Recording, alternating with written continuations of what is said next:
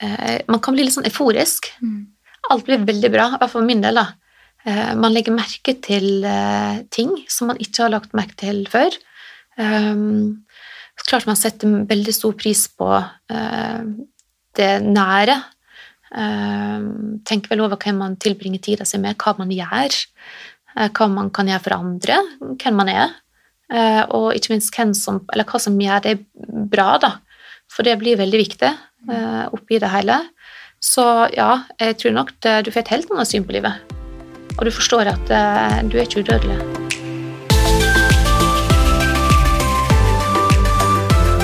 Hallo og velkommen til en ny episode av Inspirasjonspodden. I denne episoden hører dere Cecilie Flatvald sin historie. Hun er 42 år, trebarnsmamma og lever med uhelbredelig brystkreft. Det som inspirerer meg med Cecilie, er at hun har en positiv innstilling til livet, og i denne episoden forteller hun hvordan hun mestrer livet best mulig med denne diagnosen. Vi er også innom temaene seksuell helse og det å være pårørende, da hun mistet pappaen til to av barna sine i 2015. Legeassistert selvmord er en hjertesak for Cecilie, og vi snakker også om det og selvbestemmelse over eget liv. Dette er en fin episode som gir mange refleksjoner, og vi alle kan lære noe av hverandre.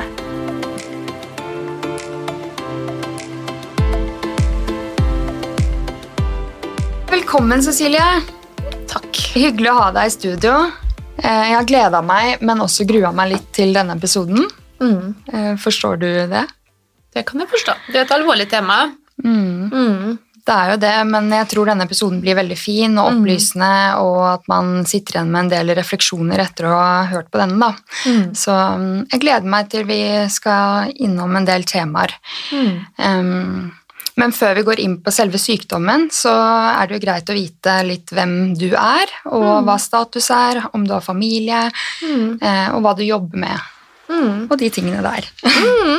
Du, eh, Cecilie Flatvall, eh, jeg er 42 år, blir 43 i november. Jeg har tre barn på 8, på 18 og så eldste på 20 år. Ja, Mm. Så jeg har to stykker som bor hjemme, og så har jeg eldste som er flytta ut. ja. Ja. Um, jobber jo som kosmetisk-sykepleier, ehm, og det gjør jeg ennå. Jobber jeg to dager i uka, ja. og det er jeg veldig glad for at jeg klarer. For Mm. det er veldig, veldig hyggelig. Mm. Uh, gir veldig masse. Så jeg er jo sykepleier i bunn. Mm. Ehm, ellers så er jeg singel. Um, vi gikk fra hverandre i 2018. Ja. Ja. Uh, det siste Jeg har vært gift to ganger.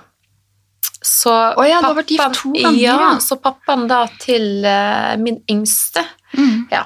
Vi gikk fra hverandre etter da uh, brystkreftdiagnose nummer én, da. Mm. Ja. Så da flytta jeg i egen leilighet, ikke så langt fra der jeg bodde eh, før, eh, med da de to eh, mell mellomste og yngste, da. ja. Ja. Mm. Og så fant du deg en ny mann, og Nei. Nei. Da fant jeg ingen ny mann. Oh, ja. så, nå er jeg, nei, så nå er jeg faktisk eh, singel. ja. Ja, Hvordan er det, da? det er veldig fint. Det er det. Mm, det er kjempefint, for det, eller, ja, det er jo både og, selvfølgelig, men i min situasjon, sånn som det er nå, så er det veldig praktisk, fordi du styrer veldig da døgnet sjøl. Du får ikke innblanding fra andre, for det kan faktisk bli litt eh, slitsomt. Mm. Hvis det er mange meninger, eller så skal det på en måte funke veldig bra. Det skal være en god flyt i den. Ja. Eh, for eh, jeg orker ikke så mye mer enn det jeg på en måte har med meg sjøl. Mm. Nei, så, men det vil ikke si at man ikke møter Nei, så du har ikke lagt den helt død? Nei. På en måte. Nei. Og jeg har en som jeg møter. Mm. Har du Som jeg møtte noe over tid, da. Ja. Ja. Å, du har det? ja, men som ikke er involvert i familie eller sånne ting. Fordi jeg tenker at eh, de skal få lov til, eller i hvert fall han mellomstanden skal få lov til å være litt hjemme Uh, ja, på sine Ja. premisser. Mm. Det er rett før han skal flyge, eh, sant? Ja. Uh, og ja, introdusere noe nytt der akkurat nå, det vet jeg. Mm. Nei. Så det er som det er. Men vet denne personen du møter om eh, situasjonen din? Ja. Var det vanskelig å ta opp det? Nei, absolutt ikke i det hele tatt. Fordi, fordi jeg jo den, fikk jo den brystkreften i 2016, Mm. så klart at eh, jeg møtte jo han etter da den eh, første runde, Og da var det veldig naturlig å ta det opp, for man har jo gått gjennom på en måte en, eh, en operasjon. Mm. Sant? Så man har jo fjernet, jeg har i hvert fall fjerna begge bryst. Du har Eh. Dobbeltmastektomi. Mm. Eh, og så har jeg rekonstruert i samme. Så jeg har to bryst, men eh, jeg har jo ikke brystvorte, f.eks. Så klart at det blir jo en Ja, altså, det kommer naturlig Mm. eh, sant, når du kler av det, for det er jo litt rart. Ja, ja. Så, så at det, du blir jo veld, det blir jo veldig synlig, Mm. ikke sant? Enten, eller så må du gjemme det bort, da. Ja, fordi jeg hadde jo veldig lyst til å høre med deg hvordan den seksuelle helsen har blitt påvirket Mm. Eh, ved å ha brystkreft, og jeg Mm. visste ikke at du hadde vært gjennom mastektomi. Eh, men eh, på hvilken måte har eh, den seksuelle helsen blitt påvirket? Eh, altså I forhold til dobbeltmastektomi så, tru, så er det egentlig ikke eh, Så har jeg ikke blitt påvirka i sånn stor grad, egentlig. Det er jo bare at det på en måte er en del av meg. Men jeg bryr ikke meg så mye om akkurat det. For jeg, som jeg sa det at når jeg skulle på en måte få en operasjon, da, for da ville jeg bare ta ett bryst um, Men jeg hadde silikonimplantat fra før. Jeg gjorde det i ung alder. Mm. Uh, slik at den ene var litt rar. Og, da var det sånn, ok, da blir det veldig rart her. Eh, To veldig rare. Jeg må i hvert fall ha to like rare. skjønner du hva jeg mener? Ja. Eh, og så måte bare det være sånn som det er. ja. Så, så klart du mister litt forholdet til brystene, fordi det er liksom ikke noe altså Man har jo ikke følelser i det på samme måten. Men jeg tenker ofte brystmat, og så kan det være noen menn som syns at oi, det er jo veldig seksuelt. Sant? Men Mm. jeg har aldri vært der. Har veldig masse annet å spille på. Mm. Så jeg tenker at da blir det ikke så viktig. Men hvis det har vært en stor del av da seksualiteten, så vil jo det være et voldsomt tap, tenk, tenker jeg. Mm. Eh, Men, eh, så det er jo den ene delen.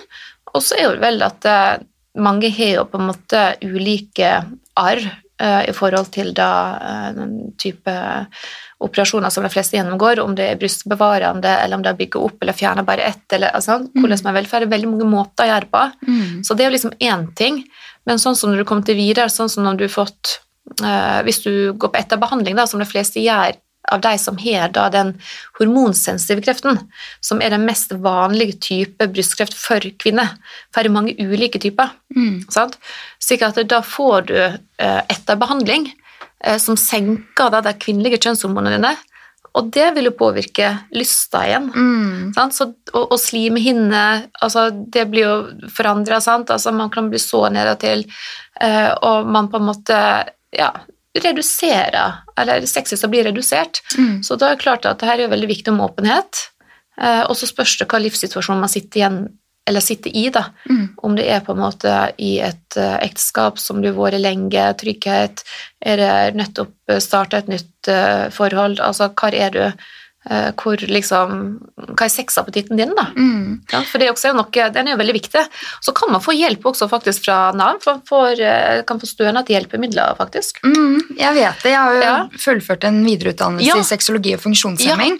Og der hadde vi jo mye om det at eh, jeg visste jo ikke at man kunne få stønad fra Nav, og Nei. lærte masse nytt. Mm. Og jeg skrev også en fordypningsoppgave om brystkreft og seksuell helse. Mm. Så jeg syns det er veldig interessant å høre, og jeg vet at eh, mange kan eh, bli påvirket eh, når det kommer til selvbilde, Ja. eh, selvfølelse, eh, tørre slimhinner, som du sier, Mm. lysten og alt. Men Mm. Følte du at helsepersonellet informerte deg om dette, eller visste du dette fra før av? Nei, for dette er jo litt sånn, kan jo være litt kleint, sant? Ja. Um, I første runde så var det veldig lite informasjon, det var ikke snakk om det liksom, i det hele tatt. Uh, når jeg fikk da uh, spredning, uh, så husker jeg var med onkologen, og da var han raskt inn på det temaet. Og da var det, så sa han det at ok, dette vil jo påvirke slimhinne, uh, sexlysta og sånn, men det er jo alltid hjelp å få. Man kan liksom kjøpe glidemiddel og sånne ting, og tenke å ja, gud, jeg er 42 år, Mm. så jeg kan ikke få på Tinder og springe rundt med. Altså, det, det blir veldig rart. Så jeg fikk litt sånn Fader, rulla meg. Men ok. Um, ja, ok, jeg kan jo kjøpe dette der, da. Uh, og så kan du i hvert fall stå der, men jeg tenker sånn Nei, det er ikke der jeg vil begynne. Nei. Jeg vil bare tenke at eh, ok, dette er bare drit i. For jeg tenker ofte det. Fuck it. Bare hev av en ring, så står det fuck it. Fikk vi lage i 2018, faktisk. Den ser jeg ofte på. og tenkte nei, vet du hva, dette, dette må jeg bare prøve å se om det funker. For, for du veit ikke hvordan det funker før du har prøvd. Mm. Og det gjorde jeg, og det funka helt fint. Så bra. Så enn så lenge, men jeg må jo på en måte tenke at eh, dette kan endre seg. Mm. For nå eh, For man bytter jo gjerne medisiner underveis, sant, som igjen vil påvirke. Så er det søvn, og så er det, det Ja, det er mye greier. Mm. Eh, Men uh, fram til nå så har det gått bra. Så bra. Ja. Men eh, ja, de gir informasjon om det. Mm. Uh, ja. Jeg vet bare at det er litt lite informasjon om det. Mange lengter etter mer informasjon, og noen Ja. vet ikke før de faktisk har gått på de og de, eh, den og den behandlingen. Da, at eh, å, ja, visste, ingen har informert meg om tørre slimhinner og at jeg mister Mm. sexlysten, og det er jo en viktig del av alle menneskers liv. Veldig. eh, Den seksuelle helsen, i Mm. stor eller eh, mindre grad. da. Mm. Noen er jo mer seksuelle enn andre, men Mm. eh, jeg hadde i hvert fall blitt kjempelei meg hvis Mm. jeg gikk på en behandling uten å vite at eh, Mm. lysten gikk bort og Ja, det er, jo, det er jo egentlig veldig eh, altså, Det er jo veldig innhugg i liksom, den du er. da. Du Mm. mister jo det sjøl hele veien. sant? Det er det Mm. som er greia. Det tar vekk veldig masse av deg sånn uh, jevnt og trutt. Sant? Så du blir fjernere og fjernere fra den personen du var, og Mm. sånn du levde. Og blant annet at dette med seksualitet. Og det var jo ikke han, onkologen, som fortalte meg om da at du kunne søke støtte. Det er jo faktisk en kunde av meg oh, ja. som har kreft sjøl, Mm. som fortalte meg eh, for eh, ett og et halvt år siden, eller hva det var for noe. Så han var ikke innom det. Eh, han var bare innom det at det fantes hjelp i forhold til tørre slimhinner, og at du kunne da ja, kjøpe Mm. det på apoteket, da, eller på Ja. Mm. Det var det han sa. Så eh, jeg har bare tatt med meg det fra henne. Og tenkte Ja. at ja, det fins jo faktisk. Ja. Ja. Så nei, det, det har masse å gå på, for å si det sånn. ja, absolutt. Ja, og kvinnehelse er jo på en måte en Jeg vet ikke, det var en mann, eh, så jeg tenkte at For han bagatelliserte litt dette her med kvinneproblemet, da, Mm. som blir da i forhold til eh, behandling. Det kan være alt å ta på hår, øyevipper, um, dette om tørre slimhinner. Så jeg tenkte at nei, søren heller, jeg vil ikke ha en mann, nei. Nei. Så jeg bytta. Eh, Så jeg sa sorry, men jeg må ha en dame Ja. som faktisk eh, kan møte meg på det som faktisk er reelt. da. Mm. Eh, For der har hun mye større forutsetning for å forstå hva jeg prater om, istedenfor å si sånn ja, ja, ja, ja. Og det er sånn mm, Nei, det er ikke ja, ja. Nei. Dette er faktisk, kan være veldig stort. Mm. Sant? Så, du, så vi er veldig mange forskjellige typer. Så klart mange syns dette er vanskelig, og det er vanskelig. Mm. Sant? Var det viktig for deg å ta grep eh, rundt den seksuelle helsen fort? Ja, ja. Mm. Ja, ja. Det var absolutt veldig uh, Men jeg er jo litt sånn som liker å sitte i, i litt i førersetet, så klart alt man kan ha kontroll over, er bra. Ja. Fordi det er en situasjon du mister kontroll over veldig masse. Mm. Mm. Så klart at det, alt du kan lage sånn sikkerhet, men du har ingen garantier. Nei. Så du vet jo ikke hvordan det på en måte blir. Mm. Og jeg husker når jeg på en måte skulle da møte han da, eh, igjen da etter jeg har fått da, eller oppstart på medisinene, så tenkte jeg liksom å herregud, kanskje jeg aldri får den følelsen igjen Mm. som jeg hadde i forkant. Kanskje liksom nå er det ferdig. Eh, at jeg ikke er, vil være seksuelt aktiv eh, fremover. Mm. Så klart at det er jo, det er jo et tap. Ja. Eh, ikke sant? Sånn er det bare. Mm. Og klart at, eh, Men jeg som ikke er et forhold, har jo, vel, har jo heller ingen press. Nei. Sant? Men du styrer det litt selv. jeg styrer det sjøl, mens der du kanskje sitter i et eh, forhold, fast forhold, da, der du bor sammen, og du på en måte, Mm. eh, så vil man kanskje kjenne litt på presset på en annen måte. Mm. Jeg kan jo bare velge bort. ja. Altså sånn hvis jeg vil, da. Mm. Og det er jo ofte sånn at hvis man har en veldig syk partner, at eh, den friske partneren Mm. titter seg litt rundt, og det er ikke uvanlig at de har en på si, eller uh, finner en elsker på si, så ehm, ja, det er en uh, Og vårt ekteskap gikk jo altså det gikk jo til runders. Så, Ja. så klart, sant? Og det var jo første, og første runde. Sant? Og det var klart at da ble det jo Det er jo en grunn for at man går fra hverandre også, så det var jo på en måte ikke bare det. mm, Men uh, sykdom og forhold er vanskelig, og det viser seg gang på gang at eh, det, det er mange brudd som kommer i kjølvannet av en sykdom. mm. Så, så sånn er det. Men året før du fikk Um, diagnosen brystkreft, så var du med eh, Eller faren til barna Yngste. yngste Ja. døde i 2015. Eh, pappaen til mine to eldste barn Ja, døde i 2015. ok. Ja. Mm. Han, eh, han var gresk-amerikaner Mm, eh, og bodde da i Hellas de siste åra. mm, Han var mye her fra 2004 til 2011. Og så var det da, når han var syk, så var han da bare her sånn type besøk. mm. Ja. Men hvordan var det for deg å være pårørende i den tiden der? Du, det var veldig, det var veldig spesielt, fordi en ting var at det var kulturelle forskjeller. Eh, Dette um, Sikkert at I Hellas så har man et helt annet helsevesen enn hva man har i Norge. Og der er det også sånn at uh, informasjonen på en måte som angår pasienten, går nødvendigvis ikke direkte til pasienten. Det går da fra lege til pårørende, sant? Eh, søster eller mor eller ektefelle, hva det måtte være. Mm. Og så velger de litt hva pasienten får vite. Oh, ja. Så han var jo heller ikke klar over hele veien, eller ga ikke uttrykk for hvor syk han egentlig var. Nei. Um, sikkert at eh, jeg som er vant til det helsevesenet her og måten vi gjør på her, jeg syns det var veldig rart. Mm. Eh, og pressa vel litt sånn på hele veien at eh, ok, vi må på en måte en litt sånn realitetsorientering til hva som egentlig skjer. Um, og så var det det at uh, der er de hjemme. Sant? Det er pårørende som tar seg av da, eh, den som på en måte er sjuk. Mm. Um, veldig mye private klinikker uh, som folk reiser til, tar uh, for behandling. Og der uh, får de faktisk, eh, som, som han sa, han legen, at eh, så lenge det er liv, så er det håp. Mm. Um, det, tenker, det gjør ikke de, altså, Sånn tenker ikke vi i Norge. Her vil jeg avslutte behandling hvis vi ser at ok, nå er det på slutten, og her er det ingenting som funker. Mm. Så får man liksom en litt annen siste tid, da. Slik at uh, han var hjemme, uh, altså i huset der han eh, bodde, og altså ble bare dårligere og dårligere, dårligere, og for da til Aten og fikk behandling der. Kjørte ned til flyplassen, fikk ned da til Aten, fikk behandling, og så tilbake igjen, og han ble jo sykere og sykere og sykere, og sykere. Mm. Eh, og han, eh, ble, han fikk så masse medisiner som ikke var kontrollert, det var en annen ting. Mm. Så han ble jo veldig sånn paranoid, og han var jo ikke seg sjøl. Det var bare en helt sånn absurd eh, situasjon. Mm. Um, han var nok veldig mye frustrert og sint, og vi sto på sidelinjen og forsto ikke hva dette her var for noe. Nei. For ikke skjønte vi hvorfor eh, helsevesenet gjorde som de gjorde, og hvorfor ikke de pårørende liksom, der nede fortalte han hvordan, eller hvor syk han egentlig var. Mm. At man hele tida bare lata som at eh, døden ikke kom, da. Ja. Og det skjedde jo også for ungene mine. Mm. Um, slik at når han gikk bort, så gikk uh, ungene mine sorggruppemøte opp på Ullevål. Og som de sa, at han kunne like godt bare eh, gått bort i en ulykke, for ingen var forberedt på det som kom.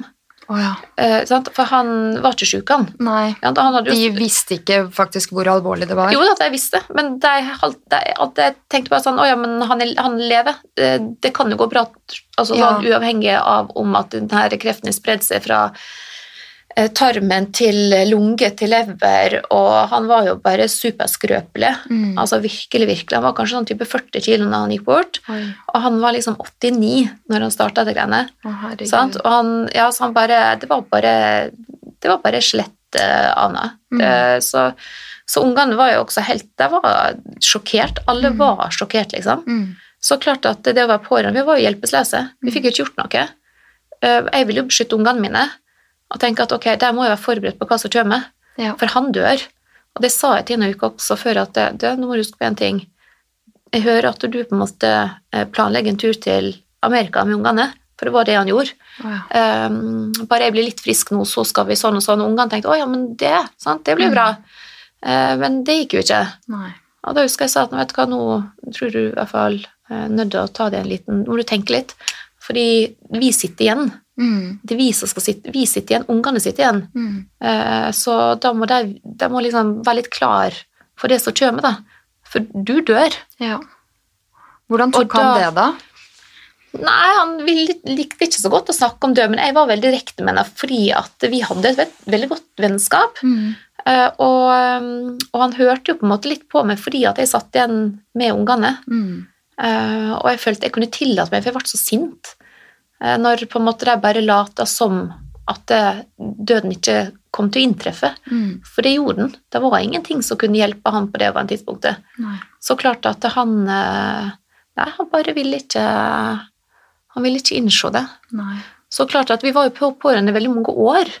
Um, og det jeg er veldig glad for i dag, er jo det at vi, vi var masse nedom. Han kom hit til Norge. Han bodde med oss um, når han var innom her. Mm. Um, vi kunne få på ferie dit. Så yngstedattera mi også har et veldig godt forhold til han, eller hadde et godt forhold, og har et uh, forhold til han den dag i dag. Så bra. Ja, Så hun husker han veldig godt. Ja. Sant? Så hun tar ham med seg sånn i hverdagen. Sånn, ja, eh, snakker om det på en helt sånn naturlig måte. Ja. Og det er det jeg ønsker liksom å på en måte ha litt fokus på, da. Mm. At uh, ja, um, døden kommer. Eh, om du er pårørende, så tror jeg det er verre fordi at du, du har ikke kontroll. Nei. Du, du er helt maktesløse Mm. på mange måter.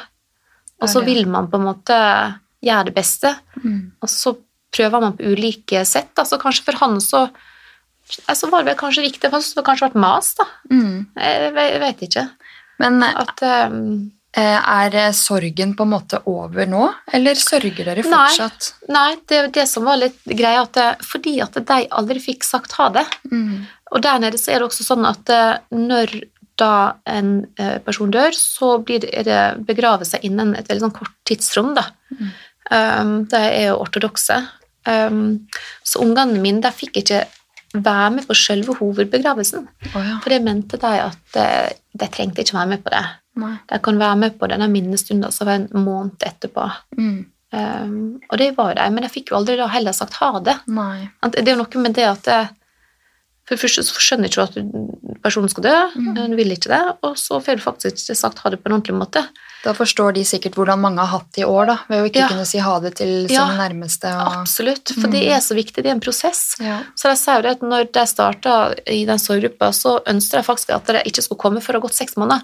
Mm. For jeg sa de første månedene er på en måte en sånn sjokkfase. Mm. Fra en sånn type sex, eller sånn fra, eh, fra da eh, det inntreffer til da mellom da seks til ett år, så er det på en måte en bearbeidelsesfase som du ikke nødvendigvis er så mottakelig. da. Mm. Det må på en måte komme seinere.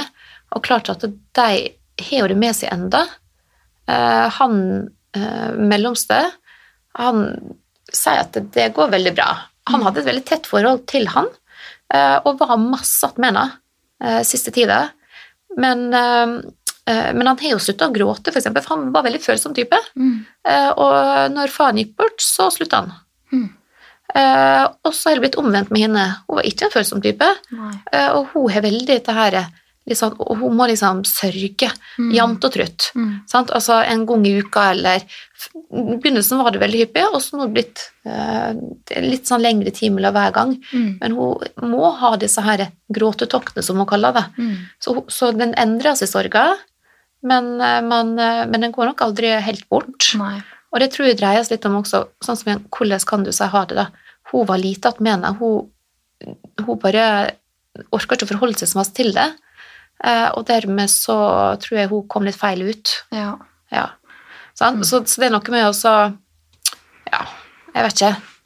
Jeg lager et smykke, så jeg um, har et um, et sånt leddsmykke som jeg har masse sånne ikon på, som egentlig har livsreisa med. Mm. Og der har jeg da den gamle gifteringen av oss oh, ja. som et ledd Mm. i da dette armbåndet. Mm. Så jeg er litt sånn, å tenke sånn Oi, nei, nå, Jimmy, nå skal vi ut på, nå skal vi ut og ta oss et glass vin. Ja. tar på med den, og sånn. ja, sånn. Ja. Så jeg tar den liksom litt med meg, da. Mm. Jeg er liksom for å lage symboler, da. ja. Ja, Samme som den ringen, så tenker jeg ja, ja, ja, drit, drit men du har det ikke liksom. på hver dag, men de Nei, nei, Nei. Ikke, ikke hver dag, men det er der. Altså, Ja. Man lager seg liksom sine greier for Ja. liksom å komme seg videre på et vis, men jeg liker jo alltid vinkle inn til noe sånn positivt. da. Ja. Ja, sant? Så det, Det smykket er ganske ja. kult. Ja. Jeg liker det. Ja, det. er fint. Jeg tenkte jeg skulle ta det med meg, for det er veldig fint. Mm. Ja.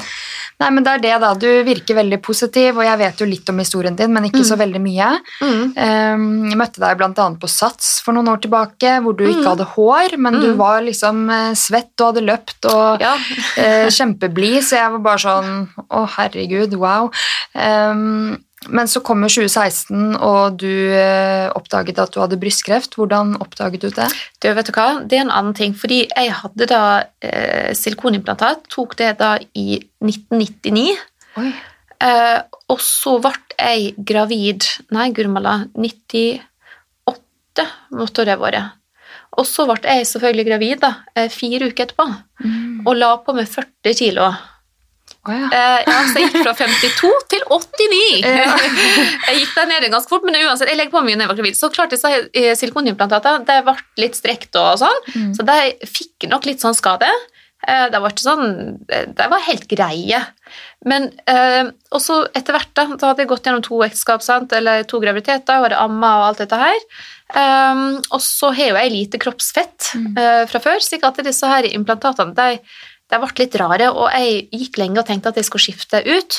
Og jeg var med plastisk-kirurgen og sånn og sånn, og hørte hvordan eh, vi gjør dette her. Og han ville vi skulle ta det ut, for så å vente i seks måneder, og så skal man sette nye implantat. Jeg ville jo egentlig bare ta det bort. Mm.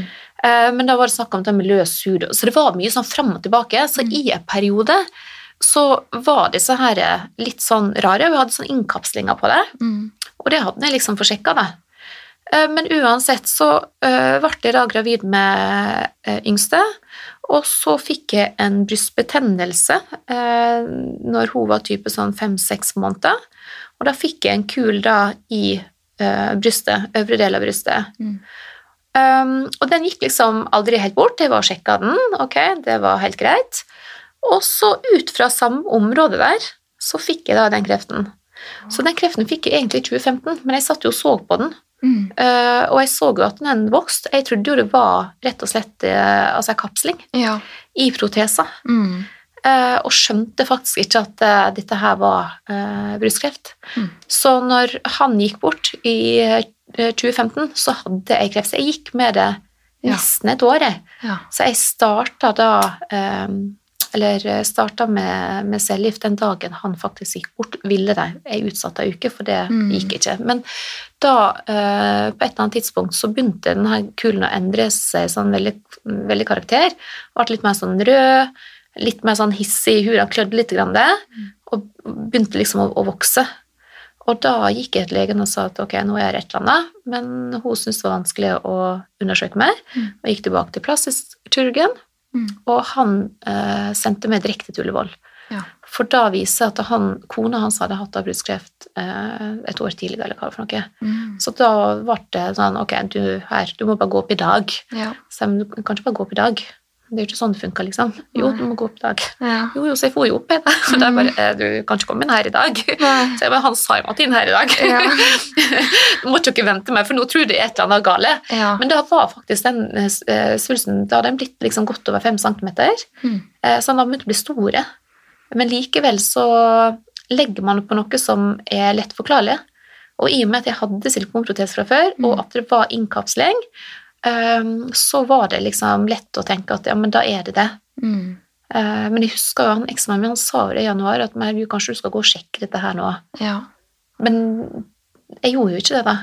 Jeg venta eh, tre måneder til, da. Mm. Eller ja. Vet du om det ville vært et annet uh, utfall hvis uh, du Det hadde vet gått ikke man. for? Det, vet fordi at den, eh, jeg hadde jo også eller jeg hadde i lymfene når på en måte, dette ble diagnosert. slik at hvor fort disse her brystkreftcellene gårde, for det gjør det ganske tidlig, Jeg fikk beskjed om det av en, en som jeg trener sammen med, som også er da lege, jobber på Ahus faktisk. Mm. Hun sa det ganske tidlig at det er det de gjør. Så hvor tidlig det skjer, det vet ikke man. Mm. Så seg liksom, kan legge seg litt sånn i dvale ute i, eh, ute i kroppen, og så kan han ligge der og så lure Mm. før han på en måte blusser opp igjen, da. Men hvordan fikk du beskjeden? Eh, Ja, du, også, jo, vet du hva, og det var jo også litt sånn, fordi jeg hadde jo da eh, Jeg ble sendt da til eh, Volvat, eh, og så tok jeg da de eh, undersøkelsene der. Da var det først mammografi, ultralyd, biopsi. Eh, alt på samme dagen, da. mm. Eh, Da er det sånn at ok, først eh, mammografi, og så ser du ok, jeg er noe mistenkelig, da er det ultralyd neste, ok, vil vi undersøke det ytterligere, og så er det biopsi. Mm. Så alt dette ble jo gjort. Og så måtte jeg vente en uke på svaret. Um, og hadde jo egentlig fått beskjed om at dette burde jeg få på, på sykehus, da. Mm. Men uh, jeg ble utålmodig, så fordi at det hadde gått over en uke, og ringte opp og fikk beskjed at ok, nå må vente noen dager til. Så tenkte jeg ok, men jeg kan, jeg kan ringe ut dit, eh, og så høre om dette deg eh, kan gi meg liksom et svar, Mm. sjøl om jeg visste at ok, det var dumt. Eh, for det bør jo kanskje være et sted der du kanskje blir litt tatt hånd om, da. Ja. Så uansett, jeg har oppsats og trent. For ned på Meny. Mm. Eh, sto i kassa på Meny, faktisk, Nei. og skulle da mm, betale for noen varer. Og så ringer telefonen, Mm. og da ringer de meg opp igjen, da. Og, og så sier jeg bare at eh, ja, det var som vi antok, det er kreft. Mm. Og da eh, da gikk jo jeg helt i, helt i sjokk. Mm. Altså rullegardina gikk rett og slett ned, og jeg tenkte bare ok, nå må jeg bare komme ut. Eh, nå må jeg ringe noen. Hva gjør jeg nå? Så jeg fikk med meg disse varene. Eh, gikk rundt med denne hjelmen på hodet, og jeg tenkte bare herregud, hvor var den sykkelen nå? Altså, Ja, altså, bare- altså, ja, ja, bare, hvor var den sykkelen? Mm. Um, og, og fikk jo leita fram den sykkelen da, til slutt, og fikk ringt søstera mi. Mm. Og så sa hun ok, men Silje, nå tar jeg meg fri, uh, kom ned hit. Mm. Og så satt jeg der da i, eh, i seks-sju timer. Og så fikk vi finne ut ok, hva, hva gjør vi nå? Mm. Og da, ja, så da landa jeg litt. Ja. Eh, Men det gikk faktisk, ja, det var veldig sånn eh, Få en sånn beskjed, klart at jeg var, det var helt uventa, sjøl om det at det, jeg Mm. burde jo visst også da at det eh, var det som kom til å komme. Mm. Men du er liksom aldri forberedt, sant? Det er det som er greia, at du, jeg tror det Men fikk du spørsmål med en gang sånn Er dette uhelbredelig kreft, eller Nei, for, kreft var, det? nei, for, nei, for det var jo ikke det da. Da var ikke du Jeg visste jo ingenting om på en måte om det hadde, hadde spredd seg til lymfene, fordi det finner de ut da først når de på en måte har tatt eh, Eller de må jo ta eh, biopsi av det også, Eh, så da tok de vel bare av brystet, mener jeg, eh, på da den undersøkelsen der. Men når jeg da hadde Når jeg var ferdig med da cellegifta, eh, og skulle da, for jeg krympa svulsten da i forkant av operasjonen fordi at den var stor. Mm. Eh, og da, eh, når de fjerna brystet, så tok jeg også sjekka lymfene. Eh, og hvor mange lymfer det var spredning til. da. Mm. For det avhenger jo av hvor mange, mange lymfer jeg fjerna. Ja. Så hvis det er bare til den første lymfa, er postlymfa, Mm. det er det som på en måte tar imot fra brystet, eh, så kan jeg bare ta den. Mm. Eller så kan jeg fjerne alle i et visst nivå, og det kan være forskjellig. Så jeg hadde jo i eh, fire av lymfekjertlene Ja. baka for postlymfa. Mm. Så klart at dette lenger ut du kommer til, mer nærliggende å tro at det på en måte har eh, vandret videre, da. Mm. Så, men da var det heller ikke uhelbredelig. For da hadde jeg fjerna lymfene, da hadde fjerna kreften i brystet, for brystet var jo fjerna, Mm. og jeg hadde stråling etterpå. Eh, Så det var ingenting som visste da i skjelettet eh, da i 2016. Nei. Men i etterkant har jo de sagt at eh, mest sannsynlig har jeg hatt spredning siden 2016. Å ja. Men det har ikke vært synlig. Nei. Nei. Men når fikk du beskjed om at det var spredning, da?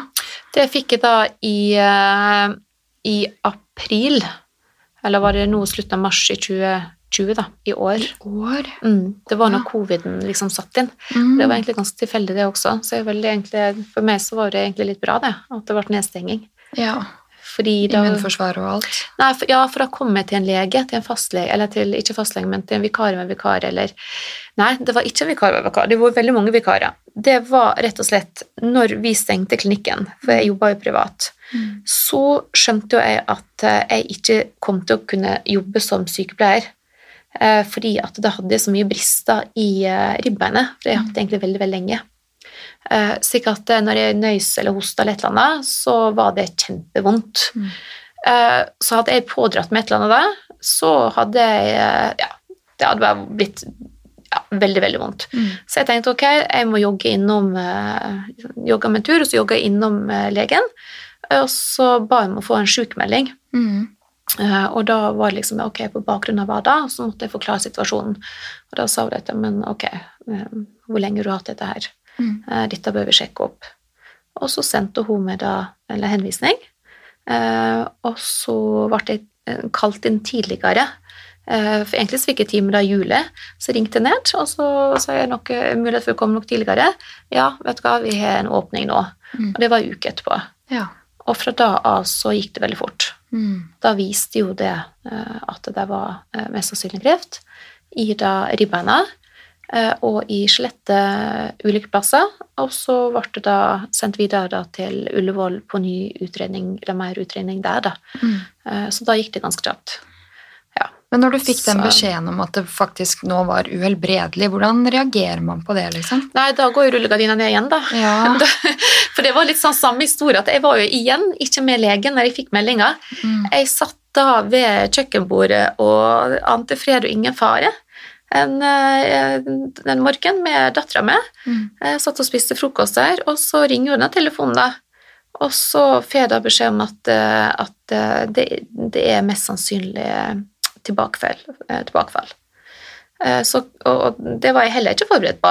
Nei. For jeg vet at når det er tilbakefall, da er det uhelbredelig. For det har jeg hørt liksom opp gjennom mm. åra på kontroll og sånne ting, at det, kommer du tilbake den grunnsykdommen, så er det ingenting vi kan gjøre. Sånn, det er ikke kurativt, mm. men det er livsforlengende.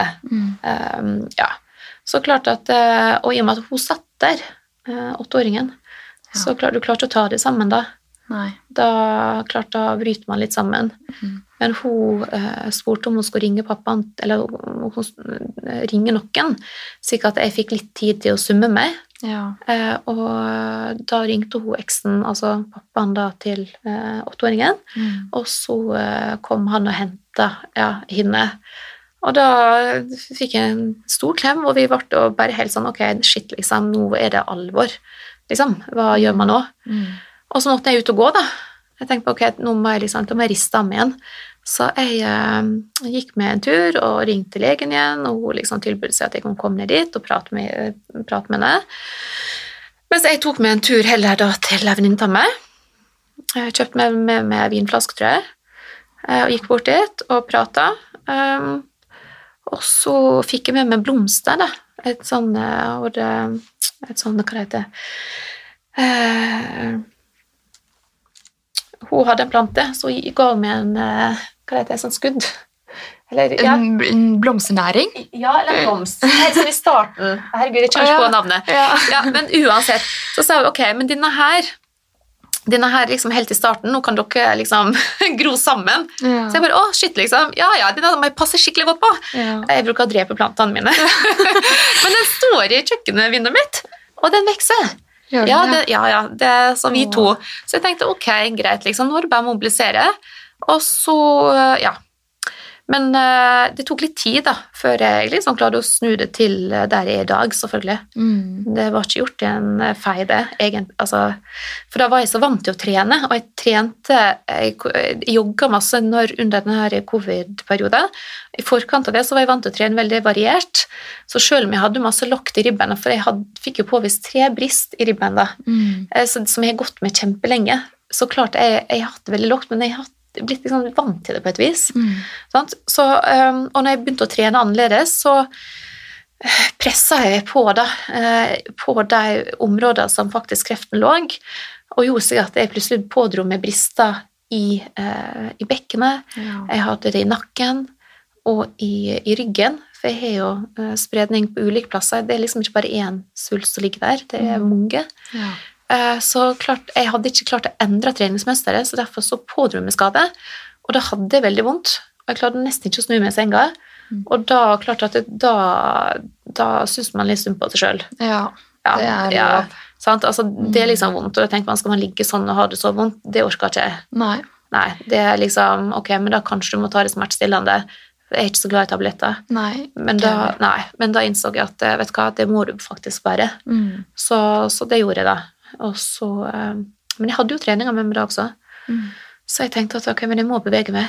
Eh, litt er bedre enn ingenting. Mm. Og sånn har jeg holdt på hele veien. Ja, det er kjempeinspirerende. Men ja. først må jeg bare høre hvordan mm. du har tatt den samtalen med barna dine, da, som ja. er eh, både 8 og 20 og ja. tenårene, liksom. Altså, hun åtteåringen hun har på en måte levd med det litt hele veien, slik at hun uh, har jo sett at han uh, Pappaen til Sandre han gikk bort av kreft. Men så har hun meg som på en måte også har kreft, mens hun ikke på en måte tenker på det på samme måten, tror jeg. Fordi at hun er vant til å se at jeg eh, er veldig sånn oppe eh, Ja, er veldig aktiv i hverdagen. Jeg har vært liksom hele veien under all, altså hele perioden. Mm. Slik at hun, som hun sier at ja, mamma, du er jo liksom du, du, jogger jo sånn, og du spiser jo så sunt, så mm. dette tror jeg går veldig bra. Ja. så, jeg, altså, så man måtte gitt litt sånn ulik informasjon, men hun fikk jo det veldig sånn rett i fanget eh, når hun satt der. Så, ja. mm. Men hun har vært gjennom at jeg har hatt kreft før, sånn, slik at uh, hun uh, Jeg har ikke snakka med henne sånn uh, altså, så inngående om, om døden. Hun veit jo, sett den, den kampanjen som har gått. Mm. Eh, så jeg prøver på en måte å liksom komme innom det, så hun vet ok, vi er syke, jeg går på sykehuset og jeg får behandling. Jeg har prøvd å ta det med meg liksom et par ganger, det jo, men det har vært veldig stengt. sant? Mm. Sikkert at hun ikke skal få lage seg masse sånne bilder oppi hodet. Eh, Jeg vil at det skal være riktigst mulig, da, Mm. og at hun skal kunne være forberedt på, at, og på spørsmål, ikke minst. Mm. Men jeg er jo per i dag ser jo veldig frisk ut, så, henne, så hun fikk egentlig litt valget hvor, liksom, hvor tidlig hun ville liksom også fortelle det til sine venner.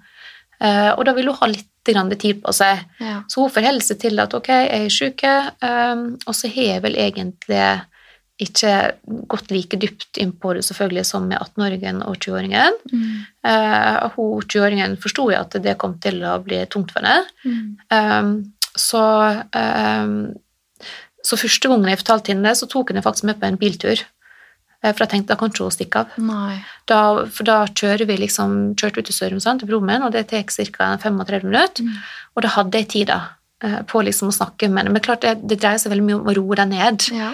Um, men likevel, de er så store at uh, jeg tenker at uh, jeg vil at de skal vite hva dette her egentlig dreier seg om. Mm. Så, så, så jeg, så jeg samla dem vel Ba henne hjem igjen, og så sa at ok, nå må vi prate. Og da ble hun superstressa, selvfølgelig. Og får jo liksom flashback til det som har skjedd. sant? Ja. Klart at hun har to foreldre med kreft. ja. Det er ikke kult. Nei. Nei, ikke i det hele tatt. Så hun blir selvfølgelig livredde. Det sikkert han også, men han uttrykker på en helt annen måte. Han er 18 og sier lite. Han eh, ja, syns hun er litt sånn dramatisk, da. Mm. Eh, Så for hun er jo da mye følelser og sånt, mens han er helt motparten. Mm. Så klart De at reagerte veldig forskjellig. ja, men så tenker liksom, ok, her. Men så har jeg sagt at men vi må bare, bare vite at det jeg sier, det er riktig. Jeg vil ikke legge noe under, ikke legge noe over. Jeg sier ikke noe for å skremme deg, Mm. eh, men hun er også redd døden. Veldig redd døden. Ja. Og da blir jeg sånn, ok, vet du hva, men det må du forholde deg til. Mm. Og til flere unger du tenker på det, til mer eh, på en måte normalt eh, blir det da. Ja. Lettere blir det. Du vil ikke si at jeg skal dø i dag, men jeg vil dø tidligere enn eh, enn, eh, ja, jeg hadde gjort om jeg ikke hadde hatt det hvis ikke det hadde inntruffet noe annet. da, sant? Mm. Men man tenker jo at man blir gamle. Mm. Så klart at så, så da blir jo det sånn Ok, men hvor mange år liksom, kan du leve, eller eh, Og det vet jo ingen. Men, Og du har eh, ikke spurt om det heller? jo, jeg har spurt om det. Og klart at det de kan vel ikke gi noe konkret svar, for det kan ikke man. Nye medisiner kommer til. Det spørs hvordan du responderer på medisinene. sant? Eh, nå har ikke jeg respondert bra på første bolk med medisiner som jeg hadde, så da mista jeg jo tid, da. Mm. Eh, de skulle jo egentlig funke i hvert fall i to år.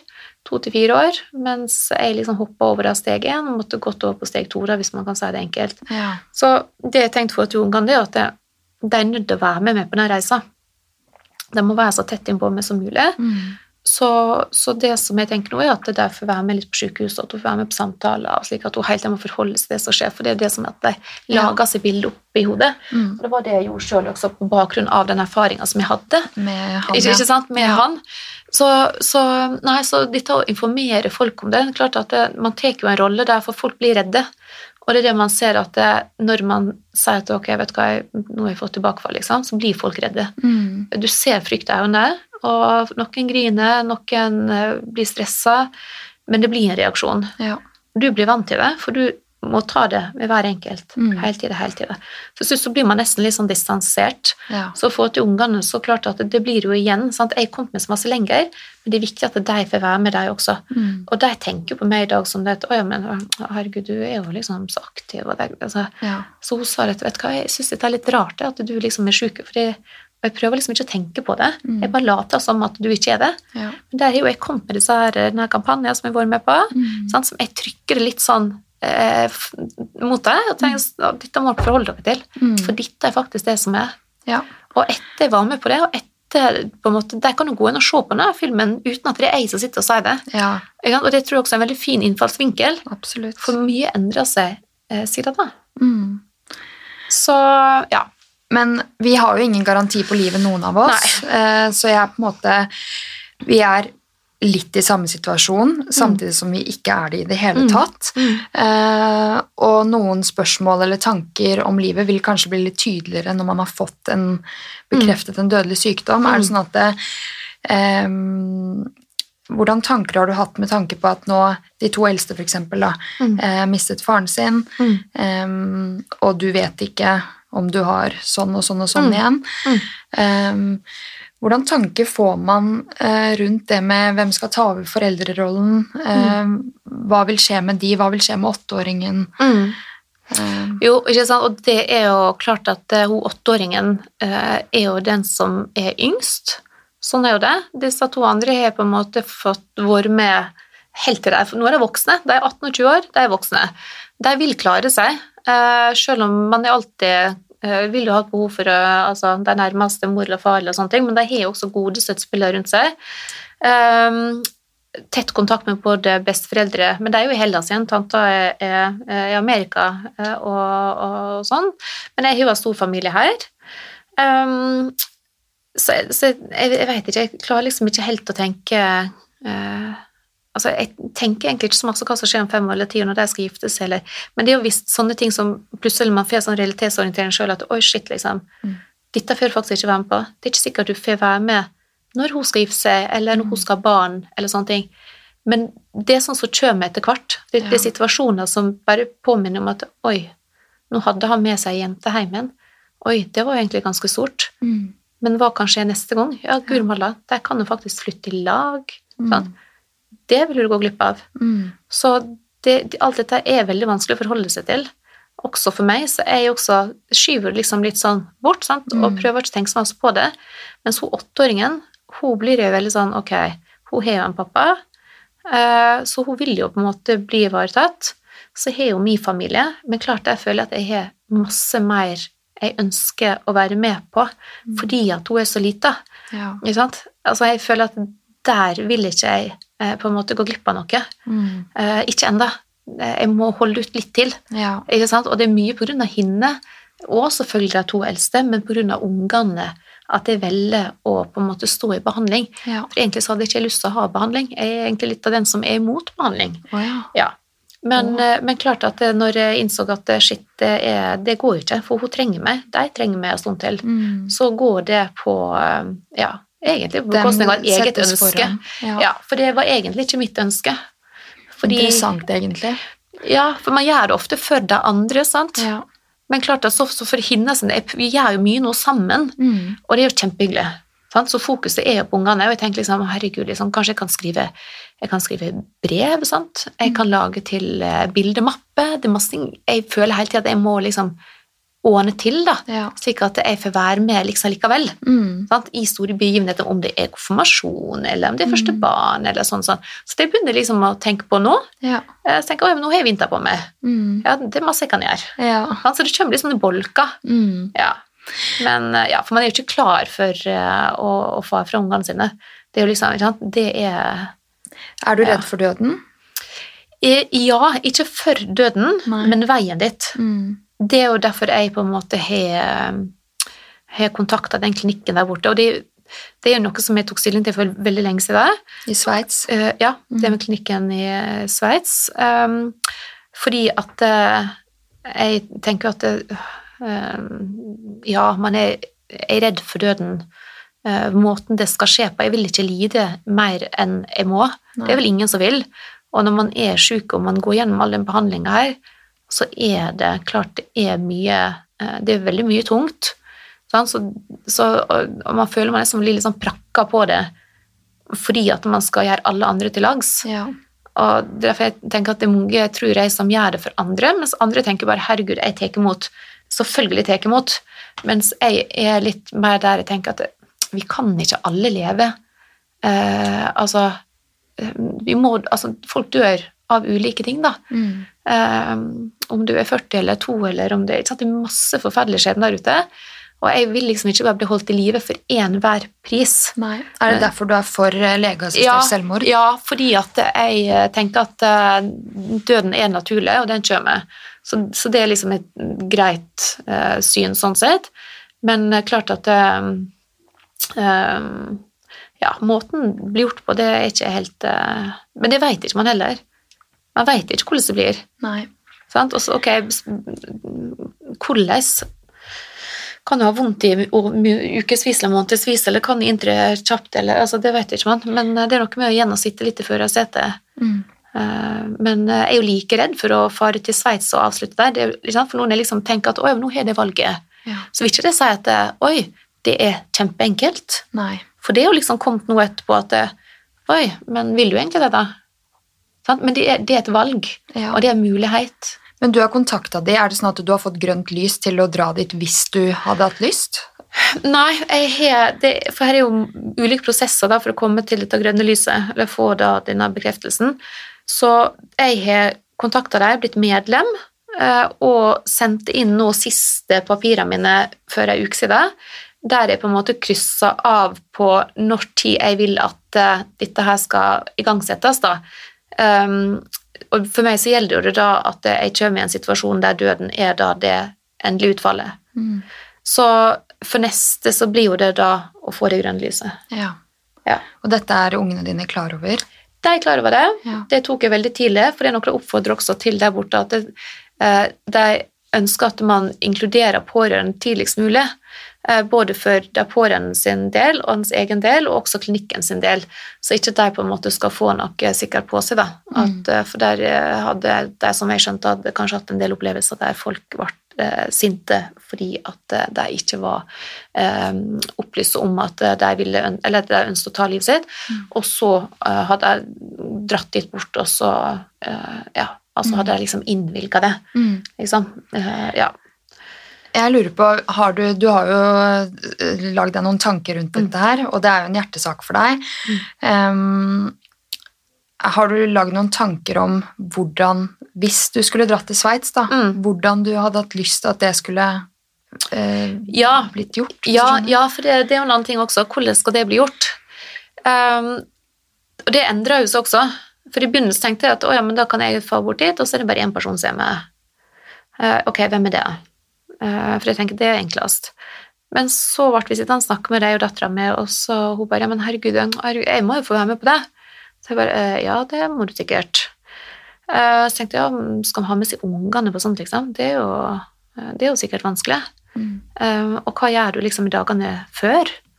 Går man ut og spiser middag, eller altså Nå var det, det jo på Debatten han unge gutten eh, Ja. Torgeir, eller Torstein, eller hva han het, mm, eh, som eh, var 24 år og valgte å ta sitt eget liv. Og Mm. foreldrene ble med han til Sveits, og de Mm. hadde det veldig hyggelig i dagene før Ja. da. mm, Um, men det virker jo så utrolig De virka veldig sterke på debatten, men det virker så utrolig tøft også. mm, Eh, men jeg tror de følte jo at de hadde fått lang tid, fra oktober Mm. til februar, mm, eh, med å forberede seg. mm. Um, for meg var det kjempekort tid. Ja, ja, ikke Eh, sant? Jeg bare Hæ? Lang tid?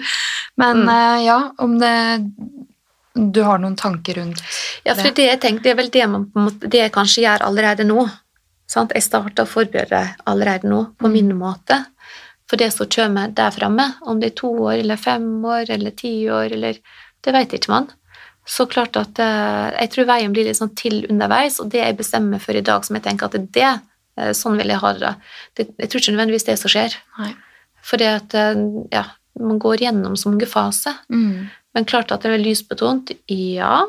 Men jeg, ser jo for meg at det hadde blitt eh, at man gått ut og spist og gjort noe bare ja, som man sjøl hadde villet, eller de hadde villet. Det går gjerne på bekostning Eller altså på barnas premisser, selvfølgelig. Jeg har jo tre Mm. unger som ikke liker det samme, Ja. så jeg har sett for meg at det har blitt en Tre interessant- interessant eh, diskusjon, for de blir Ja. aldri enige.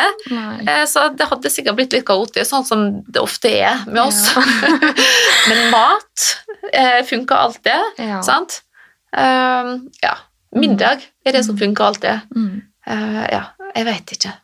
Men hvordan, vet du hvordan det utføres? Er det sånn at eh, man får en injeksjon, eller eh, drikker du det selv, eller Ja. tar du noe selv? Ja, det er et legemiddel sånn som jeg skjønte, som man drikker sjøl. Mm. Og da i løpet av et par minutter så sovner man. Mm. Mm. Retten og sletten. Det går faktisk ganske kort tid. Ja. Ja. Så klart at det, å ha folk stående rundt deg, sant, og jeg tenker, jeg vet ikke om det er heller noe som jeg hadde ville, eller om jeg ville gjort det sjøl, eller Mm. Eh, For jeg tror det var veldig tungt for ungene, men eh, så må man se hva de føler når den tid kommer. Eh, ja. Men er du for legeassistert selvmord fordi med tanke på lidelse, at man ikke skal lide, eller er det noe mer rundt det? Det er jo noe med retten, tenker jeg, til å få lov å ta det valget. Det er ikke alle som ønsker å leve av ulike grunner. Mm. Og det kan være psykisk så fremt som fysisk. Mm. Mange går rundt og har det veldig kjipt. Um, som ikke går an på en måte å gjøre noe med, selv om så masse du bare vil. Uh, noen velger da å ta livet sitt på andre måter. Mm. Noen uh, tar jo livet sitt pga. Uh, rus eller noe, altså Det er så mange ulike grunner, men klart under sykdom der du ser at, det, at døden kommer, så er jeg veldig sånn for at man skal kunne ta et valg. Mm. For jeg tenker at staten også, Det er jo veldig lagt opp til at alle andre skal ta vare på det. Ja. Eh, altså, det er jo ikke pårørende her, eh, sånn som det er i andre land. Så skal du da ligge da på et sykehus da, eller på mm. hospits, der det er fremmede kanskje som skal være med den siste tida. Mm. Det syns jeg er veldig merkelig lagt opp. Altså, da føler jeg at det, da vil jeg heller ha mine nærmeste. Jeg vet at det er mine nærmeste som er der. Mm. Det er vår siste reise sammen. Og klart at uh, den reisa hadde jeg villet at den skulle bli avslutta i Norge. Mm. Jeg har ikke lyst til et annet land. Nei. Det er jo her jeg jo elsker jo Norge og byen vår, og mm. det er jo her du ønsker å ha de siste minnene. Mm. Um, slik at Nei, jeg tenker at det burde være et valg som med alt annet. Ja. Uh. At det sjøl bestemmes over eget liv, også spesielt i en sånn sykdom, for, eller i et sånn situasjon, for du kan ikke sette deg inn i det, virkelig. Man kan prøve så masse man bare vil. Men det går ikke Nei. før man står der sjøl. Og det var, Han spurte vel om det på debatten i går, sa hva ville du ha gjort ja. hvis at uh, det gjaldt deg? Det. Og han ga ikke noe ordentlig bra ga, svar. Nei, jeg ga ikke noe ordentlig svar, for jeg sa at ok, men her skal du lindre lidelser og hjelpe. Mm, ja, ok, da. Men vi, med teknologi og sånn, så vi, vi, kan jo redde fra så fra, jeg vet ikke, Er det 21 uker, eller er det Altså for at hvis du blir født for tidlig, f.eks. Ja. Altså på sykehjem, og du kan ligge der eh, og være dement og være veldig syke i veldig mange år. Mm. Det er mange som bare ligger og har det vondt. Mm. Eh, og så sier du at et liv er et liv. Ja, ok, men er det et verdig liv? Mm. Og der har vi eh, veldig mange som jeg tror hadde sagt nei. nei. Eh, la meg slippe. Ok, da kan man droppe medisinene, da. Mm, veldig kan... mange eldre i hvert fall sier jo det. Til og med min bestemor ønsket å slippe og spurte om mer morfin, mer morfin. Um, og jeg syns det er litt rart egentlig at eh, noen andre skal bestemme at du, du skal fortsette hvis du mm. virkelig ikke vil det. Fordi en mm. lege vet ikke hvordan du har det psykisk med din sykdom eller fysisk med smerter. Og så en annen ting da, som jeg tenker i forhold til det med med aktiv dødshjelp eller eh, legeassistert selvmord, det er jo nettopp det at eh, når eh, du syns ting er veldig veldig tøft, sant? og du syns ting er veldig veldig vanskelig, og du tenker bare ok, off, dette liksom veien det går, liksom. Når du vet at du er en exit, da, i hvert fall sånn som det var for meg, og sånn som det var da tydeligvis for han også, mm. så var, ja, kan jeg hete Torbjørn? Tor, ja, noe sånt. Ja. Mm. Så er det det at når du vet at du kan ha en exit, så er det som at du roer deg. Og den roa som du har med deg da siste reisa, vil jo gjøre så at du får økt livskvalitet. Ikke sant? Ikke sant? Så, så det, vil jo, det er jo en annen måte å lindre lidelser på. Mm, og, og, så tenker jeg at det, det kan faktisk si at du klarer å stå i sykdommen enda lenger, for du tar vekk litt det frykta. Mm. Frykt og smerte. Frykt og smerte for det du står oppi, for du vet at du er en exit, men det vil ikke si at du gjør det. Nei. Men det er bare en visshet om at du kan, og det lindrer. Mm. Så det er, vel, det er liksom et aspekt jeg tenker man må ha litt fokus på. For det er jo det veldig mange sier. Mm. Da får man liksom ro, trygghet, mm. oppi det uforutsigbare. Og det er jo egentlig litt dobbeltmoralsk av helsevesenet å ha så mye fokus på empowerment og selvbestemmelse, men når mm. det kommer til faktisk selve livet, mm. så får man ikke bestemme det selv. Nei, så får du bestemme det selv. Det skal du liksom ikke gjøre. sant? Mm. Liksom... Man skal leve for enhver pris, ja, nesten. Ja, du skal leve for enhver pris. Mm. Og så hører du liksom om gamle bestemor til folk som har ja. lidd i 20 år av en eller annen sykdom. Så jeg håper at eh, Jeg er veldig for en forandring der. Og jeg mm. skjønner hvorfor du er for det. Mm. Jeg har bare ikke reflektert så mye over det før vi begynte å snakke litt om Nei. det før vi skulle spille inn. Mm. Um, men det er ingen tvil om at jeg syns at det skulle vært en mulighet mm. for folk. Mm. For det er mange som lider der ute. Det er veldig mange som lider, og det har man sett, vi som er sykepleiere begge to. Vi har jo vært i praksis, og man har jobba, Mm. og man, eh, man har jo sett veldig mange, og spesielt da ser jeg eldre som husker hun ene dama som eh, Hun var, hun var gammel, hun var det, Hun ikke ville ta medisiner, ikke ville spise, var ingenting. Mm. Hun lå i denne senga, og de motiverte og prøvde å få henne ut i den spisesalen. Dag etter dag. Og så husker hun ble syk, og så klarte jeg å redde henne.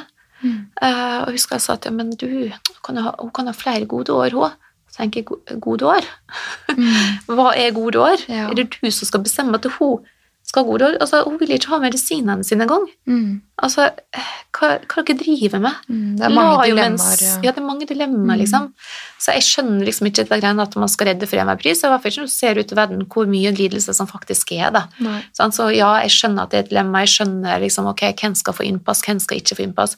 Men hvis man har vært borti den klikken som jeg har vært, og sett liksom øh, skjønne og hvor proft dette her er, Mm. så tror jeg mange har fått litt annet syn på det. Ja. For jeg har fått en forklaring på alle disse her spørsmålene som man stiller, men som aldri kommer fram under disse debattene. For det blir liksom bare litt sånn Mm. poff, og så blir det borte igjen. ja. Sant? Du øh, Ja, Mm. så klart det Men jeg må også høre med deg, har du forandret deg noe som person etter at du fant ut at dette er uhelbredelig kreft, og, eller har du fått et annet syn på livet? Ja, gud malla, man blir nesten litt sånn eh, eh, Man kan bli litt sånn euforisk. Mm. Alt blir veldig bra, i hvert fall for min del. da. Eh, man legger merke til eh, ting som man ikke har lagt merke til før. Um, klart man setter veldig stor pris på eh, det nære. Um, tenker vel over hvem man tilbringer tida si med, hva man gjør, eh, hva man kan gjøre for andre, hvem man er. Eh, og ikke minst hvem som, eller hva som gjør det bra, da. For det blir veldig viktig eh, oppi det hele. Så ja, jeg tror nok det, du får et helt annet syn på livet. Og du forstår at eh, du er ikke udødelig. Mm. Dette, her, dette inntreffer. Ja. Og dette her er fase. Sant? Så dette her er Du utvikler det helt enormt. Mm. Eh, Og klart det er mye med medisiner, behandling og tilpasning i alle bauger og kanter. Eh, Så eh, jeg tror at ofte så er jeg kanskje bedre enn mange andre. Mm. Eh, For jeg er mer bevisst Mm. i hverdagen, og jeg er veldig mye blid. Jeg er faktisk ganske blid. Jeg er Ja. nå enn faktisk hva jeg har vært før. Jo, det. Og det handler om at jeg trett, altså jeg har tilrettelagt hverdagen, men også veldig, veldig sånn på søvn. Ok, hva er søvn? Eh, Hvis jeg drikker alkohol, hva er alkohol? Jeg blir sliten, jeg blir irritert. Nei, da må det vekk. Jeg, helt, jeg må tilrettelegge for at min hverdag blir så bra som mulig. Mm. For jeg ønsker å ha det best mulig. Jeg ønsker at energien min skal ligge der oppe, så, så, så høyt oppe som den kan være. da Mm. til enhver tid. Jeg elsker jo det, jeg kjenner at kroppen bare Å, gud, nå er jeg glad. Nå er jeg kjempeglad, faktisk. Ja, Eneste lyst er bare beste å- følelsen. Det er beste følelsen, sant? så jeg vil jo bare ha den. Så jeg gjør jo alt for at den skal på en måte ligge der Mm. hele tida. Så jeg har jo gjort en del valg eh, i livet eh, tilrettelagt, da. Ja. Det har jeg. Så det er sånn du mestrer hverdagen best mulig, å ta hensyn til søvn og sånne ting Ja. som man egentlig bare eh, gjør eh, hvis man på en måte tilsynelatende er frisk. da. Så Ja, ja. Tar seg et glass vin og driter litt i søvn. Mange gjør jo det. ja, mange gjør det, sant? og mange er slitne. For mange tenker 'Å, gud, jeg er så sliten'. Mm. Åh, nei, åh, ting er vanskelig, og sant? Ja, eh, og det jeg oppdaga, er at når jeg ikke drikker i det hele tatt, og når jeg sikrer den søvnen, så er jo ting så mye lettere. Ja. Så jeg bare tenkte, herregud, hvorfor gjorde jeg dette for superlenge siden? Mm. Hadde jeg bare visst. Mm. Men det er jo et sosialt press, sant? I, veldig ofte. Ja. Eh, men eh, nå har jeg liksom bare sagt, nei, det, det er med ingefærte. ja. Så du har kuttet ut alkohol? Eh, ja, jeg, ja, innimellom så, så kan jeg liksom Men jeg er litt sånn svart-hvitt. Jeg overdriver litt når jeg gjør ting. Mm. Sikkert én ting er å ta seg ett glass vin, men jeg tar meg ikke ett glass vin. jeg. Nei, jeg drar på litt, og så Ja. blir sliten. ja. blir veldig sliten. Men har du noe råd til noen eh, Hvis noen hører på, da, og det trenger ikke å være kreftsyke engang, men mm. sånne som meg, som Mm. eh, ikke som jeg vet foreløpig i hvert fall har en sykdom, Mm. eh, som kan ta ting litt for gitt, og som tror at de kanskje har hele livet foran seg, for det er så lett å tenke Ja. at de har så god tid. Ja, det heter det. Og det var, jeg husker jeg var på utplassering oppe på transportasjonsavdelinga på Nyre på eh, Rikshospitalet. Og da var det dame, hun var ganske sånn, ja, kanskje sånn 50 år eller. Og hun hadde da tenkt å gjøre masse greier etter hun ble pensjonist. Og så husker hun sa til meg at du må ikke utsette. Du må ikke utsette. Du, du må gjøre det du på en måte ønsker å gjøre. Og det har jeg på ofte at eh, ja, vet du hva, ikke utsett ting, og ikke være redd for å si fra om ting. Eh, altså, gjør Prøv å være litt sånn tro mot deg sjøl, da. Mm. Og kjenn litt etter hva er det du egentlig liker. Fôr deg sjøl med det som er viktig, så ikke du mister deg sjøl på veien i det samfunnet vi lever i. Mm. For det er mye, det er så overfladisk. Mm. Så jeg tror mange liksom mister det Altså, der vi kommer fra. Slik at uh, gjorde, gjorde det litt, grann det, Mm. og tenk litt over hva er det jeg liker? Mm. Hva er det som gjør meg glad? Mm. Hva er det egentlig som er viktig for meg, uh, og hvem er det som er viktig for meg? Mm. For det mm, Gode råd. Noen ganger så føler jeg bare man trenger en skikkelig reality check mm, for å faktisk eh, praktisere dette på ordentlig. mm, Ja, For det er så lett å tenke det, og så, så er man liksom sånn ah, jeg, jeg ser så jævlig ut i dag. Liksom at Mm. folk eh, ser på det som et problem, da. Ja. Og står og liksom snakker stygt til seg selv i speilet, og det er det verste som har skjedd. og Mm. Det er jo ingenting. Det er ingenting. Og det som får et ungene mine, tenker at jeg må være et forbilde Mm. for Altså det sosiale medier, det er press på alle bauger kanter. Vær fornøyd med den. Du er god nok. Ja. Ja, vær litt fornøyd. Ikke tenk at liksom, vi, vi trenger liksom ikke å kunne være verdensmester i alt. sant? Nei. Eh, Altså bare, Av og til så trenger folk å finne ut av ting. Mm. Vi trenger ikke å vite hva vi skal være når vi er 15 år. sant? Altså, det, det er ikke alle som vet, finner ut av det noen gang. Mm. Men man bare tror at man skal være så vellykka til enhver tid. Mm. Bare ta et steg tilbake. Det går bra, Ja. liksom. Veldig kloke ord, ass. Men eh, før jeg går over på de faste spørsmålene, er det sånn, så vil jeg høre med deg om du har eh, satt deg noen mål, eller et eller annet du Et stort ønske du har eh, som du vil Mm, nei, for at disse store ønskene Nei, jeg har faktisk ikke det. For jeg har alle disse her eh, Som jeg sa, at jeg gleder meg nødvendigvis ikke over eh, Eller til noe. Jeg gleder meg veldig sånn over det som er, da. Mm. Eh, Men jeg har veldig lyst til å jogge igjen. Ja. Eh, Eller være med på en, faktisk en eh, kardiotime. Mm. Kardiostep. Ja. Så enkelt. Men jeg har lyst til å hoppe, Mm. for det syns jeg er så veldig kjekt. ja.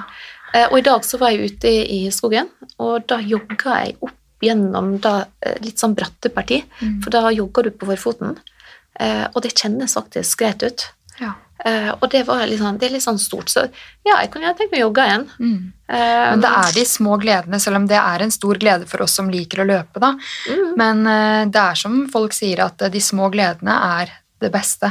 Ja, ja. Man tenker at man må liksom nå en topp med et Nei, eller annet for ja, å føle sant. lykke, men det nei, er nei, for det er ikke der lykka ligger, det er hverdagslykka. mm, Så, og det er jo det som er at når du begynner å forstå det at oi, hverdagslykka, den, du, den skaper du sjøl. mm, Jeg begynte å sette på eksempel, en sånn diskolampe som jeg kjøpte for når jeg var 40. da, jeg skulle ha sånn diskoparty. Og Den er liksom satt opp på stua nå, og så har jeg en sånn lyspære da, i annen krok. Og så setter vi på den og slukker lyset, og så er det da å danse. Ja. Ja, og det er sånn, å, Da blir vi så glade! Ja. altså, det er liksom, Du må ikke så langt, ikke, ikke lag disse her så fjerne, det blir så uoppnåelig hele tida. Mm, Altså bare få den eh, tilbake til der du er. ja. Skap det der du er. Mm. Og så kan man selvfølgelig drømme om, hvis man har veldig lyst til å reise en annen plass, altså så kan det være et mål. Jeg har ikke sånne mål. Jeg har bodd i utlandet, jeg har bodd eh, litt her og litt der, jeg har gjort masse, og jeg har det egentlig veldig fint her. Og jeg har det veldig fint inne i marka, jeg har det egentlig jeg har det fint hjemme, jeg har det, ja. jeg det fint på jobb, Mm. jeg har det byen. Og, mm. Altså, det er bare, ja, jeg fôrer meg selv, det gjør det enkelt da. ja. Retten og sletten. Mm. For ellers så blir det kanskje det uoppnåelige, og det kan jo være på en måte noe som drar det fram og motiverer det. Det er Eh, Ikke sant? Hvis det er det som motiverer det, men man kan finne mindre ting som motiverer også. Mm. Det kan jo være en sånn smoothiebar oppe på Ila, eksempel, så det at du faktisk eh, sykler opp til Chelsea og så tilbake. Mm. Det er iallfall sånn som kan motivere meg. Ja. Uh, ja. så det, er sånn, det, det er lett å få tak i, da. Mm. Det er ikke noe hinder, og dermed så opplever jeg det hele tida. Mm. Det er da man opplever mestring, når det er Ja, ja. en oppnåelig mål. Ja, for det er man- oppnåelig mål, sant? Hvis du Mm. sitter og bare og drømmer om alt det der ute, da, Mm. sant? da vil jo det bare være noe perifert. Ja. Og det er jo dumt, for du Mm. ønsker jo å ha den følelsen med deg. Mm. Mm. Eh, er du klar for litt eh, faste spørsmål? Ja. Eh, hvordan starter du uken best mulig? Du, uka mi, altså dag er jo dag, og mandag eller søndag, eller jeg prøver egentlig at de dagene skal starte likt, det. Eh, med trening og sunn mat og gode opplevelser. Mm. Eh, mm.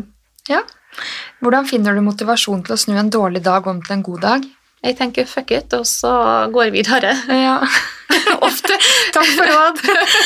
Ja, I mitt hode er det litt mer komplisert noen ganger, men det, det er bra du sier det. Ja, derfor, men derfor har jeg ringen. Ja. Minn meg på det. Fuck Fuck, it.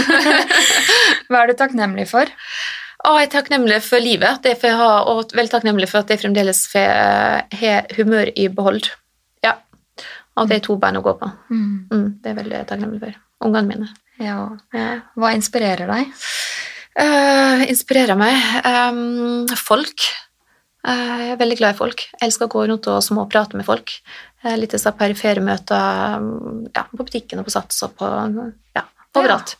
Så du liker de smalltalksa? Ja, jeg elsker smalltalks. Ja, Noen hater det, andre elsker det. ja, Jeg det. ja, jo, jo, jeg elsker det. Jeg kan bruke, jeg kan bruke flere timer på senteret. Ja. Ja, ja, fra kasteplass.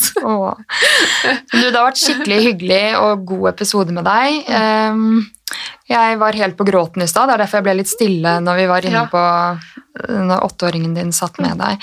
Eh, Da kjente jeg at eh, da fikk jeg rullegardina. Mm. Men eh, det har vært en skikkelig fin episode, og jeg er veldig glad for at du ville fortelle historien din. Mm, takk for at jeg fikk komme.